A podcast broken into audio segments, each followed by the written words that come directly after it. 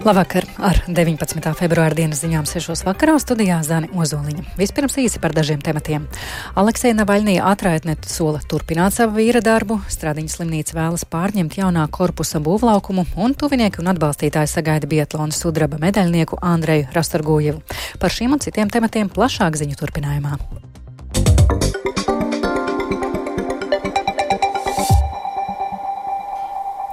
Pastāv risks, ka Latvija šogad neizmantos vairāk nekā 500 miljonus eiro Eiropas Savienības fondu naudas. Tā teikts Finanšu ministrijas informatīvajā ziņojumā par fondu plānu ieviešanas statusu gadumijā. Dokumentā paustās bažas rīt uzklausīs valdība. Ziņojumā minēts, ka iepriekšējā periodā visgrūtāk ar Eiropas naudas tērēšanu ir gājis satiksmes, veselības un ekonomikas ministrijām. Lielākie kavētie projekti ir Latvijas dzelzceļa attīstība, Kunziņa salas projekts un pasažieru vilcienu jaunie elektrovilcieni, kā arī pārējais Paula Stradiņa Kliniskās universitātes slimnīcas jaunbūve. Stradiņa slimnīca jaunā korpusa būvniekiem piedāvājusi panākt vienošanos līdz rītdienai. Pretējā gadījumā trešdien slimnīca būvlaukumu sāks pārņemt pašu spēkiem. Slimnīcā stingri apņemas nepieļaut garas izlīguma sarunas bez objekta pārņemšanas. Par spīti piedāvājumam būvfirma Velve darbus objektā turpinot un netaisoties tos pamest. Plašāk Viktora Demīdova ierakstā. Pēc strīda par būvnieku gauso darbu, vairāk kārt atklāto pelējumu jaunā korpusa pagrabstāvā un vienpusēji lausto līgumu, šodien Stradiņa slimnīca būvfirmai Vēlve piedāvājusi noslēgt vienošanos. Galvenie nosacījumi to noslēdz nekavējoties. Jaunā korpusa būvlaukumu uzreiz nodot slimnīcai, un abas puses vienojas, ka pretenzijas un citus jautājumus viņi atrisina vēlāk. Šāda vienošanās neietekmēs iepriekš iegūtās tiesības, uzsver zvērinātais advokāts Ben no Butulis. Šāda vienošanās ir relatīvi skaidra un vienkārša, visām pusēm saprotama. Ja tāda ir iespējama, tad ir viņa iespējama. Ja viņa nav iespējama, tad attiecīgi objekts tiek pārņemts. Uzsāktā pārņemšana līgumā paredzētajā gadījumā apstākļos, kad līgums ir ticis vienpusēji lausts. Vēl vai vienošanos redz kā atslēgu strīdam, taču gala lēmumam ir jābūt pārdomātam un racionālam abu pušu vērtējumā. Tā uzskata firmas pārstāvis Valdis Koks, norādot, ka ar slimnīcas piedāvājumu viņi vēl iepazīstas. Tajā pat laikā Koks atkārtoti norāda, ka situācija joprojām nav mainījusies. Viņi uzskata, ka laužot līgumu vienpusēji slimnīca rīkojas pretiesiski, tāpēc būvnieki var vairāk nekā 160 miljonus eiro vērtajā projektā darbus turpina. Slimnīcai saspīlētas attiecības ir arī ar bijušo valdi, kuru pērn oktobrī šī projekta dēļ atcēla. Šodien ārstniecības iestāde paziņoja, ka iepriekšējā valde nav nodrošinājusi būvniecības līguma savlaicīgu izpildi. Bijušais slimnīcas vadītājs Rinalds Muciņš pārmetumiem nepiekrīt, norādot, ka divi no esošās padomas locekļiem pagājušajā gadā pāraudzīja projektu, bet nekādus priekšlikumus par līguma ātrāku laušanu viņam nav piedāvājuši vienkārši. Jāsaprot, ka līgumu, protams, var mēģināt laust jebkurā brīdī, un mēs šobrīd sekojam vienai tādai laušanas scēnai, bet jāsaprot, kādu mēķi mēs gribam sasniegt un cik tas ir droši. Un līgumā bija šis starptermiņš numur 4, 3. novembris, kur bija jāsniedz noteikts apjoms. Un tam mēs arī gatavojamies. Protams, pa vidu notika valdes maiņa, nu, un, protams, tad bija vēl dota otrā iespēja, un novembrī un decembrī valdīja pilnīgi saskaņu un eiforija starp uh, slimnīcu un būvniekiem, ka viss izdosies, lai gan, nu, praktiski nekas jau būtiski nebija mainījies, bet tikai bija faktiski Ziemeļkorejas tāds stila propaganda, ka viss izdodas. Nu, un tas noveda šobrīd pie tām sekām, jo ilgāk jau to varēja vilkt. Skaidrāka situācija iespējams varētu būt rīt pēcpusdienā, kad plānota slimnīcas un vēlves atkārtota tikšanās. Viktors Demidovs, Latvijas radio.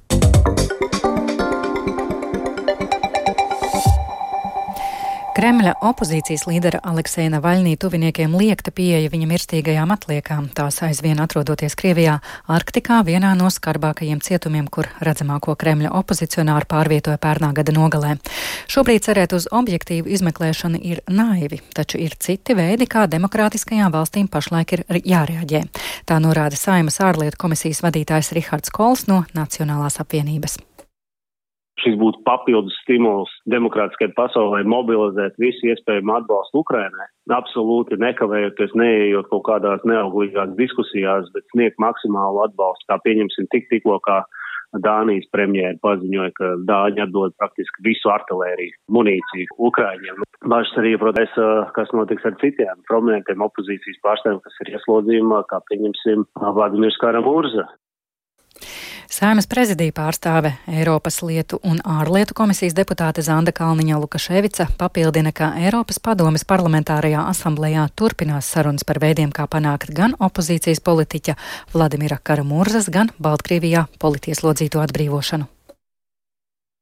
Vēl stingrāku vēršanos pret Krieviju, tostarp ar sankcijām, un vēl lielāku, masīvāku un ātrāku atbalstu Ukrainai mēs redzam, ir iespējams tātad vēl stingrāk vērsties, vēl papildus sankcijas, ir arī vēl stingrāk jākontrolē un jānovērš jebkāda sankcija apiešana. Tā ir skaitā šos duālās lietojamības preču nonākšana Krievijā caur it kā citām valstīm. Un arī ir jāturpina darbs, lai nonāktu pie lēmuma par Krievijas iesaldēto līdzekļu konfiskāciju un nodošanu Ukrainai. Briselē tiekas Eiropas Savienības ārlietu ministri, kuriem šoreiz pievienojusies arī mirušā opozicionāra Alekseja Navaļnijas sieva Jūlija. Eiropas Savienības augstais pārstāvis ārlietās un drošības politikas jautājumos Žuzeps Borels norādījis, ka nepieciešams atbalstīt Krievijas opozīciju. Viņš arī piebildis, ka Krievijas diktators Vladimirs Putins un viņa režīms tiks saukti pie atbildības par Navaļnī nāvi. Arī pati Navaļnī atraitne solīja turpināt vīra iesākto. Plašāk par sanāksmi stāsta Rihards Plūme.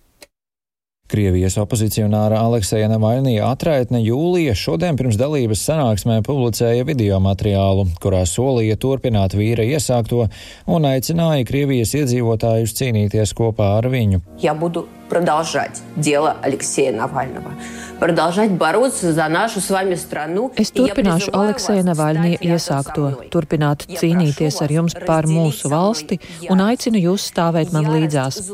Es lūdzu jūs kopā ar mani dalīties dusmās un naidā pret tiem, kuri uzdrošinājās nogalināt mūsu nākotni. Cīnieties un nepadodieties! Es nebaidos, un arī jūs nebaidieties. Navaļnija arī norādīja, ka Putins vēlējies nogalināt ne tikai viņas vīru, bet arī Krievijas sabiedrības brīvību, cerību un nākotni. Krievija kā brīva, mierīga un laimīga valsts, tādu viņa vēlas to redzēt, norādīja Navaļnija. Jautājums tikai, kā to panākt un vai to var panākt, atrodoties ārzemēs. Un te paralēlis jāvelk ar Baltkrievu opozīciju un Svietlānu Cihanovsku, kas par Baltkrievijas brīvību arī turpina cīnīties, atrodoties ārzemēs. Tikmēr Eiropas Savienības augstākais pārstāvis ārlietās un drošības politikas jautājumos Žuzeps Borels pēc ministru tikšanās ar Navaļnaju norādījis, ka ministri izteikuši viņai līdzjūtību, un Putins un viņa režīms tikšot saukts pie atbildības. Tiek spriests arī par jaunām bloka sankcijām tiem, kas ir tiešā veidā atbildīgi par izturēšanos pret Navaļniju un arī Krievijas cietumu sistēmas pārstāvjiem. Galvenais vainīgais gan esot Putins, piebilda Borels. Atklāts tomēr paliek jautājums, par kādām sankcijām dalībvalstu līderi var vienoties, lai tās Kremlim patiesi iekostu, nevis būtu vien formālas. Daži ministri uzsvēruši, ka atbildēji uz Navaļnija nāvi būtu jābūt spēcīgākam un ātrākam atbalstam Ukrainai. Borels arī paziņoja, ka, lai godinātu Navaļnija piemiņu, ierosināts pārsaukt cilvēktiesību sankciju režīmu par Navaļnija cilvēktiesību sankciju režīmu. Tikmēr Navaļnija tuviniekiem jau trešo dienu pēc kārtas liekta pieeja viņa līķim, un viņa māte netiek ielaista morgā, kur varētu atrasties Navaļnija līķis. Savukārt nedēļas nogalē tika ziņots par vairākiem simtiem aizturēto Krievijā, kas ielās centās izrādīt atbalstu vai piemiņu Navaļnijam. Par aizturētajiem tiek ziņots arī šodien, un tāpat Tāpat vairākās vietās tiek izjauktas Navaļnija piemiņas vietas, ko no ziediem un plakātiem uzslējuši cilvēki. Rihards Plūme, Latvijas radio.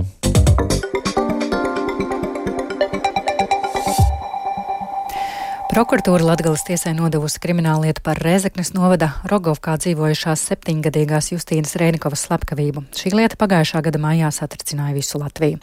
Abi apsūdzētie meitenes tēvs un pamāte ar vienu atrodas apcietinājumā. Austrum Latgales prokuratūras virsprokurore Rita Zēliņa stāsta, ka par tik cietsirdīgu nodarījumu var draudēt pat mūža ieslodzījums. Pie krimināla atbildības ir saukti gan par cietsirdīgu un vardarbīgu apiešanos ar mazgadīgo, kā arī par slepkavību pastiprinošos apstākļos. Bet jā, apsūdzības slepkavībā ir abiem. Viena persona neatzīst savu vainu, otra persona atzīst daļēji tieši jautājumā par cietsirdīgu un vardarbīgu apiešanos, nevis par slepkavībām. Uz tiesvedības arī beigām prokurore tad arī izlems par to, cik bargs eh, tiks prasīts sots par nodarītajiem noziegumiem. Latvijā sāka vākt parakstus, lai grāmatnīcās vismaz puse grāmatu būtu latviešu vai citās Eiropas Savienības valodās. Tā iniciatīvas autors plāno veicināt latviešu autoru darbu pieejamību un popularitāti. Lielā daļā grāmatnīcu atzīst, ka to plauktos jau tagad lielais vairums grāmatu ir latviešu valodā. Taču citādāka situācija ir grāmatu veikalos, kuros fokusējas uz Krievu auditoriju. Vairāk Paulas Dēvicis ierakstā. Iniciatīvas autors raksta, ka Ukrainā šāds likums esot spēkā no 2021. gada jūnija, un arī Latvijai, kas esot līdzīgā ģeopolitiskajā situācijā, būtu jāiet šajā virzienā. Tas būs šāds solis uz valodas un kultūras bagātināšanu, kādās valodās lasa rīdzinieki. Man pašai patīk labāk lasīt angliski, bet uh, es redzu arī daudzus, kas nāk pēc grāmatām latviski. Jā, daudz interesants grāmatas krievu valodā, ko es labprāt izlasītu latviešu latviešu valoda. Nu, tikai latviešu. Un, kā jums liekas, vajadzētu vairāk grāmatas tulkot uz latviešu valodu? Nu, dabiski. Es rasu arī angliski. Nē, es nezinu, manuprāt, ir pietiekami. Vismaz manām vajadzībām. Latviešu, krievu, angļu. Latvijas grāmattirgotāju asociācijā stāsta, ka šis ierosinājums visticamāk tendēts uz citām grāmatnīcām. Piemēram, divas no šādām tirgotavām Latvijā ir Polāris un Mnogokņigelvē, kurās pārsvarā tirgo grāmatas krievu valodā, taču abas viedokli par iniciatīvu Latvijas radio nesniedza. Kopumā gan ieguvumi no šīs iniciatīvas nav skaidri. To atzīst grāmattirgotāju asociācijas un uzņēmuma Jānis Roza vadītāja Ināra Beļinkaja. No pasaules čempionāta Biatlonā Čehijā Latvija šovakar mājās sagaidījusi sudraba medaļas laureātu Andreju Rastargujevu. Ar perfektu šaušanu un raitu slēpojumu viņš izcīnījis līdz šim lielāko panākumu gan savā karjerā, gan visā Latvijas biatlona vēsturē. Rastargujeva Rīgas lidostā sagaidīja vairāki desmiti fanu. Viss augsts novada vārdā mēs esam šeit, lai varētu viņu sagaidīt godām. Es pat nevaru iedomāties, kad varēja tāds būt rezultāts. Diena bija paralizēta un visi gaidīja to rezultātu jā. jau daudzus gadus. Jā. Braucot no pašas salūksnes. No pašas salūksnes visi. Treneris ir pats. Tren, treneris, jā. Es saku, vakardien pēcpusdienā viņš iedeva ne tikai alūksniešiem, es domāju, visai Latvijai iedeva tādu prieku, ka. Trener, nu, kā jūs jūtaties? Es lieliski jūtos. Nevaru pat, pat pārdzīvot, kas tas prieks un, un, un gandarījums no Andrēja puses. Malacis, varonīs. Un ar šo izskan 19. februāra dienas ziņas producents Edgars Kupčs, ierakstus montēja Kaspars Groskops, pieskaņu pults Mārtiņš Paeglis, bet studijā Zani Ozoliņa. Vēlreiz īsi atgādināšu par galveno. Navaļnija atraitne sola turpināt savu vīra darbu, Stradiņa slimnīca vēlas pārņemt jaunā korpusa būvlaukumu, un tuvinieku un atbalstītāji sagaida Biatlona sudraba medaļnieku Rastargujevu. Yeah.